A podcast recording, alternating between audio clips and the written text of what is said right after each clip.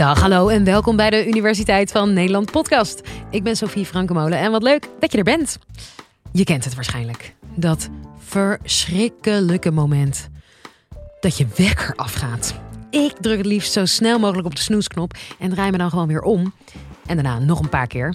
Maar volgens slaapwetenschapper Marijn van der Laar van Universiteit Maastricht kun je dat dus beter niet doen. Je wordt in deze aflevering waarom. Dit is de Universiteit van Nederland.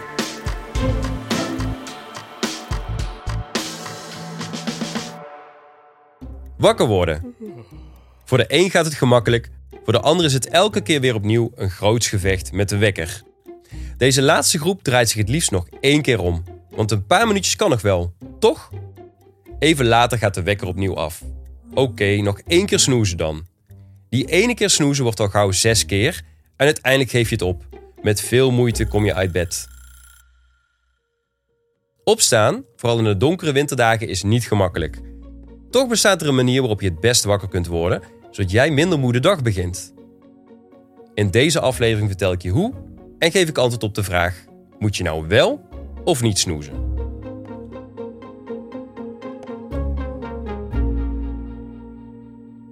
Voordat ik kan uitleggen hoe je het beste wakker kan worden, moet ik eerst uitleggen hoe je slaapcyclus werkt. Zodra je in bed gaat liggen en jij je ogen sluit, gebeurt er van alles met je lichaam waar jij je helemaal niet bewust van bent. Zodra je in slaap valt, starten onze slaapcycli.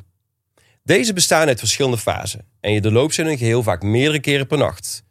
Elke fase van de cyclus heeft zo zijn eigen unieke kenmerken. Je kunt de fases ten eerste onderscheiden in twee categorieën: de niet-remslaap en de remslaap. Rem staat in dit geval voor Rapid Eye Movement en daar kom ik zo nog op terug. Eerst begin ik bij de niet-remslaap. Deze kun je namelijk weer verder onderverdelen in twee categorieën. Ten eerste heb je de lichte slaap, die duurt ongeveer een half uur en daarin doezel je weg. Je spieren ontspannen. En in deze fase kun je nog wel gemakkelijk wakker gemaakt worden. Daarna val je in de volgende fase, een diepe slaap. Deze fase is erg belangrijk voor je herstel. Tijdens deze fase rust je lichaam goed uit en maakt het je klaar voor een nieuwe dag. De meeste diepe slaap vindt plaats in de eerste helft van de nacht. Je kan je misschien wel voorstellen dat als je wakker wordt gemaakt in deze fase, door je wekker bijvoorbeeld, dat je compleet gedesoriënteerd wakker wordt. En dat herken je misschien wel als je bijvoorbeeld midden in de nacht op moet voordat je op vakantie gaat. Dan heb je ook het gevoel dat je heel wazig opstaat.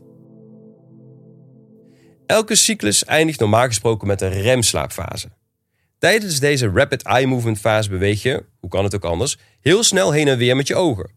Je hersenen zijn druk bezig met van alles, verwerken wat jij die dag hebt meegemaakt. Je hebt veel indrukken gehad en tijdens deze fase worden er minder belangrijke gebeurtenissen en herinneringen uit je hersenen gegooid, zodat jij morgen weer genoeg ruimte hebt om nieuwe indrukken binnen te krijgen. Door deze ordeningen van je indrukken gaan sommige mensen ook heel heftig dromen. Best logisch dus, want je hersenen zijn hard aan het werk. De remslaap beslaat ongeveer 20 tot 25 procent van de hele slaap. Als je wordt wakker gemaakt tijdens deze fase herinner jij je droom beter dan als je eerder of later wakker wordt. Na het einde van deze fase begint de cyclus weer opnieuw. Tijdens een goede nacht ga je er ongeveer 4 à 6 van deze cycli. Elke cyclus duurt ongeveer 90 minuten. En telkens keren we dus weer terug naar een lichte slaap. En worden we zelfs gemiddeld 2 tot 3 keer kortdurend wakker. Het is maar goed dat we niet aan één stuk door heel diep slapen, want dan zouden we onze omgeving niet kunnen checken bij mogelijk gevaar.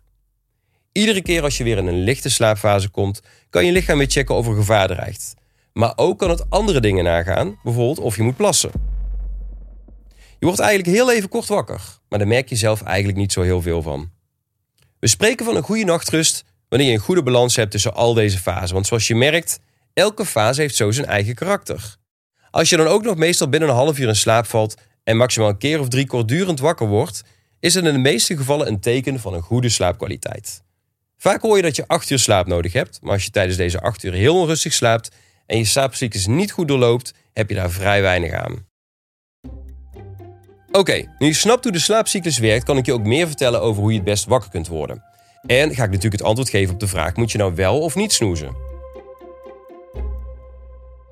Zoals ik al eerder zei, wakker gemaakt worden tijdens je diepe slaap is niet fijn wakker worden. Want dan moet je van heel ver komen en kan het echt wel een paar uur duren voordat je lichaam goed is opgestart. We noemen dat ook wel slaapinertie. Onthoud dit woord, want het gaat nog terugkomen. Het mooiste zou natuurlijk zijn als we heel natuurlijk wakker worden aan het einde van de slaapcyclus. En een factor die jouw lichaam helpt om natuurlijk wakker te worden is licht. Ja, dat heeft alles te maken met je biologische klok. En die werkt als volgt. Als het donker is, maakt je lichaam het slaapopwekkende hormoon melatonine aan. Zodra er licht in je ogen schijnt, ziet jouw lichaam dat als een seintje dat hij geen melatonine meer hoeft aan te maken. Jouw lichaam regelt dus normaal gesproken heel goed zelf wanneer het tijd is om naar bed te gaan en wanneer je wakker moet worden. Dus als je altijd op dezelfde tijd naar bed gaat, kan je lichaam heel makkelijk er zelf voor zorgen dat het altijd rond diezelfde tijd wakker wordt. En misschien herken je dat wel, dat je je lichaam zo getraind hebt dat je voor de wekker wakker wordt. Over de wekker gesproken, het is nu helaas tijd om deze boosdoener in het verhaal te introduceren. Want helaas is onze maatschappij niet zo ingericht dat je zelf kan bepalen wanneer je wakker wordt. Daar heb je vaak een wekker voor nodig. Veel mensen moeten wakker worden voordat het licht is en voordat hun slaapcyclus netjes is afgerond. Vooral tijdens de donkere winterdagen. Heel logisch dus dat jij het liefst op die snoesknop wil klikken en je nog een keer wil omdraaien. Maar door te snoezen pak je je slaapcyclus weer op waar je voor het wakker worden gebleven was. Ik had het eerder al over slaapinertie. Dat is de overgang die je lichaam moet maken van slaap naar waak. Als je telkens weer een stukje slaapt en jezelf weer wakker maakt, is dat erg vermoeiend, omdat je de slaap telkens onderbreekt. Daardoor is deze niet meer van goede kwaliteit en dat put uit. Daarnaast vergroot het je kans op slaperigheid en niet verkwikt wakker worden. Je lichaam is dan eigenlijk al moe door het de hele tijd weer wakker worden en slapen gaan. Dus zes keer op de snoesknop drukken betekent ook dat je je lichaam zes keer behoorlijk hard laat werken. Beter dus om niet te doen. Een laatste punt is dat ons lichaam goed gedijt bij een vaste structuur en duidelijkheid. Door een duidelijk punt te maken waarop je iedere ochtend opstaat, leert ons lichaam gemakkelijker telkens op dat punt wakker te worden. Door op de snoesknop te duwen raakt ons lichaam juist in de wacht. Moet ik nou wel of niet wakker worden? Wat moet je dan wel doen om goed wakker te worden? Je wekker maakt een eind aan je slaapcyclus en het beste is om dat helaas te accepteren en gelijk uit bed te stappen. Ik raad vaak mensen aan om een wekker of telefoon ver weg te leggen, zodat je wel uit bed moet om het geluid van je wekker uit te zetten. Probeer dan ook niet stiekem weer in je bed te duiken. Wat dan het beste is om te doen, is om direct het licht op te zoeken. Dus ontbijt bij het raam of maak een wandeling. Zo reset je je dag-nachtritme. Mocht het niet lukken om zonlicht op te zoeken, want het is bijvoorbeeld nog donker, dan kun je er ook over nadenken om een wake-up light aan te schaffen. Dat zijn lampen die je naast je bed neerzet en die het opkomende zonlicht nabootsen. Goed om te weten is dat zonlicht ongeveer 10.000 lux afgeeft op een zonnige zomerdag. Terwijl een wake-up light tot zo'n 400 à 600 lux afgeeft. Het is beduidend minder dus, maar het is altijd beter dan niks. Verder raad ik mensen altijd aan om een ochtendritueel te ontwikkelen. Dus neem vooral ook je tijd om wakker te worden. Wat dat precies is, weet jij waarschijnlijk het best zelf. Nou, dit is dus hoe je het best wakker kunt worden. Maar nu je weet dat de kwaliteit van je slaap ook heel belangrijk is, vraag je je misschien wel af: hoe zorg ik nou dat ik goed slaap? Goed om te noemen is dat dit natuurlijk voor iedereen anders is. Maar ik noem een paar tips die je slaapkwaliteit mogelijk kunnen verbeteren. Nou, allereerst belangrijk dat je nooit rennend je bed ingaat. Daarmee bedoel ik dat je rustig je dag afbouwt. Je lichaam heeft gewoonweg even tijd nodig om de overgang te maken naar de slaap. Verminder dus langzaam alle prikkels die je binnenkrijgt. Drink zo min mogelijk alcohol of koffie en andere cafeïne of theïne houdende dranken. Zorg er verder voor dat je geen spannende films kijkt of spannende boeken leest, net voor het slapen gaan. Probeer de lichten twee uur voor het naar bed gaan al erg te dimmen. Als je al denkt dat het donker is, maak het dan nog donkerder in je woonkamer. Het is ook goed om de thermostaat al iets naar beneden te zetten, want een iets koelere temperatuur zorgt ervoor dat ons lichaam zich goed kan gaan voorbereiden op de slaap. Een warm bad net voor het naar bed gaan kun je dan ook beter niet doen. En als je het toch wil doen, doe het dan eerder op de avond. Vermijd slaapbelemmerende schermen zoals laptop, iPad en telefoon twee uur voordat je naar bed gaat. En probeer intensieve sportactiviteiten ook in die periode te vermijden. En als je dan eenmaal in bed ligt, kijk vooral niet op die wekker, want dat zorgt er vaak alleen maar voor dat je slechter gaat slapen. Een krachtige manier om je slaapkwaliteit te verbeteren is verder om nog eens goed naar je bedtijden te kijken. Als je vaak te lang wakker in bed ligt, kun je kijken om je bedtijden structureel te verkorten. Het gaat vaak meer om de kwaliteit van de slaap dan om de kwantiteit. Vaak is het het belangrijkst om goed naar je lijf te luisteren. Je lijf vertelt je vaak wel wat het nodig heeft. Graag sluit ik deze aflevering af met nog een oefening mee te geven aan de slechte slapers. Mensen die slecht in slaap vallen omdat ze te veel in hun hoofd zitten en hun gedachten maar niet uit kunnen zetten. Jezelf zeggen dat je nergens aan moet denken werkt juist niet, want dan ga je juist meer over nadenken. Ik stel bij deze mensen altijd een oefening voor die past bij hoe ons brein werkt. Ik noem het ook wel de gedachtentrein.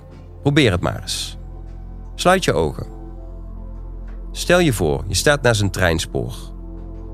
Visualiseer nu dat er een trein voorbij komt. Laat al de gedachten binnenkomen die je hebt en zet elke gedachte die je krijgt in een wagon. Als je veel gedachten hebt, gaat de trein heel erg snel en als je weinig gedachten hebt, gaat hij een stuk langzamer. Of de trein snel of langzaam gaat, dat is niet belangrijk. Probeer alleen te observeren wat er gebeurt en zet iedere nieuwe gedachte in een wagon. Na een tijdje merk je dat je eerder een toeschouwer wordt van je gedachten in plaats van dat je erin gaat zitten. Doe je ogen maar weer open.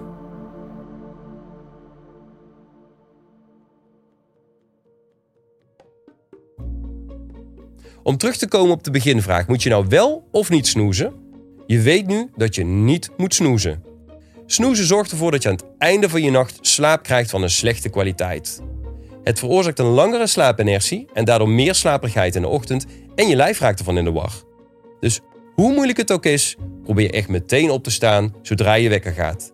Daar heb je vervolgens de hele dag profijt van.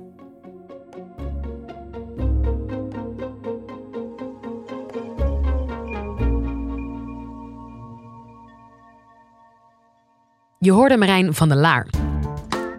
Ik hoop dat je hebt genoten van de aflevering. En wil je nou nog even verder luisteren? Check dan vooral de rest van onze playlist, want we hebben nog veel meer colleges voor je in de aanbieding. Bijna 400. En er komen er elke week twee bij. Tot de volgende!